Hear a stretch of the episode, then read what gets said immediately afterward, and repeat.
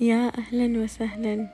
رجعت لكم من جديد في حلقة جديدة من بودكاست كوكتيل. موضوعنا لليوم مدمرات النفسية. مدمرات النفسية كثيرة وتختلف من شخص لشخص. بعدت كم شغلة من وجهة نظري أشوفها شائعة جدا في مجتمعنا أو على الأقل في اللي حولي أو اللي بأشوفه. سألت فئة من الناس إيش اللي ممكن يدمر نفسية الواحد. بسم الله نبدأ. أولا إفراط المقارنة. المقارنة أكبر مدمر للنفسية. فوق إنه يفقد ثقة البني آدم في نفسه ممكن يبني بغض وكره في العلاقات. مثلا الآباء والأمهات. اللي يقارنوا بين عيالهم ويقولوا لهم كون زي أخوك أو كوني زي أختك. أو مقارنة برا الأسرة. لما تصير زي ولد عمك؟ لما تصير زي بنت خالتك بنت عمتك أيا كان. ممكن كثيرين ما راح يحطوا في بالهم إنه ده شي ممكن يجرح ويكسر الخاطر وممكن يأثر على حياة الشخص الاجتماعية. يحسبوا الآباء والأمهات أو أيا كان إنهم بالطريقة دي بيحفزوا أبنائهم ويشجعوهم بس اتخذوا طريقة غلط. المقارنة أبعد الطرق الموصلة للتحفيز. المقارنة تخلي من الواحد حاقد وحاسد. ويستقل بنفسه جدا. وحتى إن أنجز ما يشوف إنجازه شي ممكن يذكر. ثانيا التحطيم. يوم تجي بكل حماس تحكي لأحد قديش أنت طموح وتقول له أحلامك المستقبلية. تحكي من كل قلبك والسعادة غامرة كل حاسة فيك. ويجي يقول لك أنت ما تقدر. أنت كل يوم تطلع لنا بشي أنت أصلا مو كفو. مين بيطالع في وجهك؟ ومن ذا الكلام. اللي من جد تتحول أحلامك لرماد وتجي الرياح تاخدها بعيد. عشان كده لا تحكي لأحد. أصدمه وخليه يشوف أثبت له بدون ما تقول له أي حاجة إنك كفو إنك قدها. ثالثا الإهانة قدام الناس.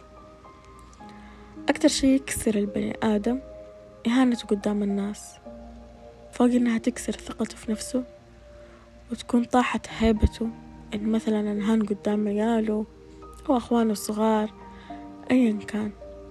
كمان حيكون شخص جدا عصبي وكتوم وتأثر على شخصية على صحته النفسية وعلى شخصيته.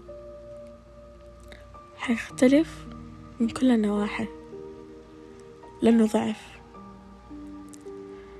رابعا الخذلان. الخذلان بنشوفه كل يوم لما تحط ثقتك في أحد ويخذلك ويطيح من عينك. بعد ما كنت معيش في عيونك أكتر شي ممكن يدمر النفسية ويسبب الاكتئاب والكره والخوف. حيصير يخاف من الناس اللي حوله حتكون ثقته مهزوزة. بكل الناس. ما عاد يعرف من يثق. خامسا الشكاك. الشكاك أنا أشوفه شخص مريض. تحسوه دائما متوتر وشابك بين يدينه ويهز رجوله. أنا أشوف الشكاكين مرضى.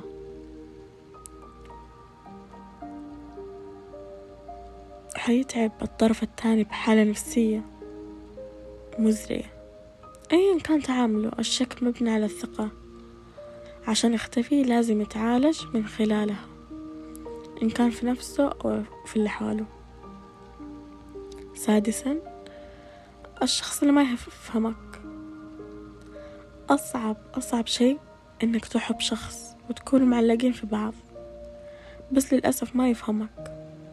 وكم مرة تحاول تفهمه وتمدله يدك عشان يدخل قلبك وتفكيرك. بس يكون من بعد نفسه. حتنهار ساعتها. لأنك تكون بأمس الحاجة له مو لأحد تاني. لما تكون في عز ضيقتك ومنهار بكا. بس الكلام ما عاد راضي يطلع من فمك. وتحس الغصة والدمع عالقة في حلقك. تبغى تقوله وترتاح بس أنت عارف إنه ما راح يفهمك. ولا راح يسأل. حتى الشخص ما يكون سيء بس ممكن طريقة تفكيره تختلف. سابعا وأهم شيء التنمر. التنمر من أعنف مدمرات النفسية ووصلت الناس للانتحار والقتل. المتنمر يشوف نفسه منتصر. إذا تنمر على شخص ضعيف شخصية أو أقل منه يشوف نفسه قوي. بس للأسف هو شخص فاشل وما عنده أي ثقة في نفسه ويشوف نفسه ناقص كمان. ثامنا المقارنة بين حياة الرجل والمرأة. خلونا نكون واقعيين. يعني إحنا البنات أبدا لا نقارن حياتنا بالرجال. الرجال عندهم ضغط من كل ناحية إن كان حياة الشغل ومشاكله أو مشاكل أهله و و و. ضغطهم غير. وإحنا ما نشوف اللي بيعانوه هم لأنهم باختصار الرجال ما يحبوا أحد يشيل همهم غير نفسهم. ونجي إحنا نكمل عليهم. كذلك لا يجي الرجال ويستهين بحياة المرأة. ويشوف إنها مدلعة وحياتها بيرفكت لا برضو إحنا بنشوفه صعب. إن كانت معاناتها في التربية بيتها أو حياتها المهنية. برضو بتعاني. بس بتكد على نفسها لأنها تبغى تثبت شخصيتها.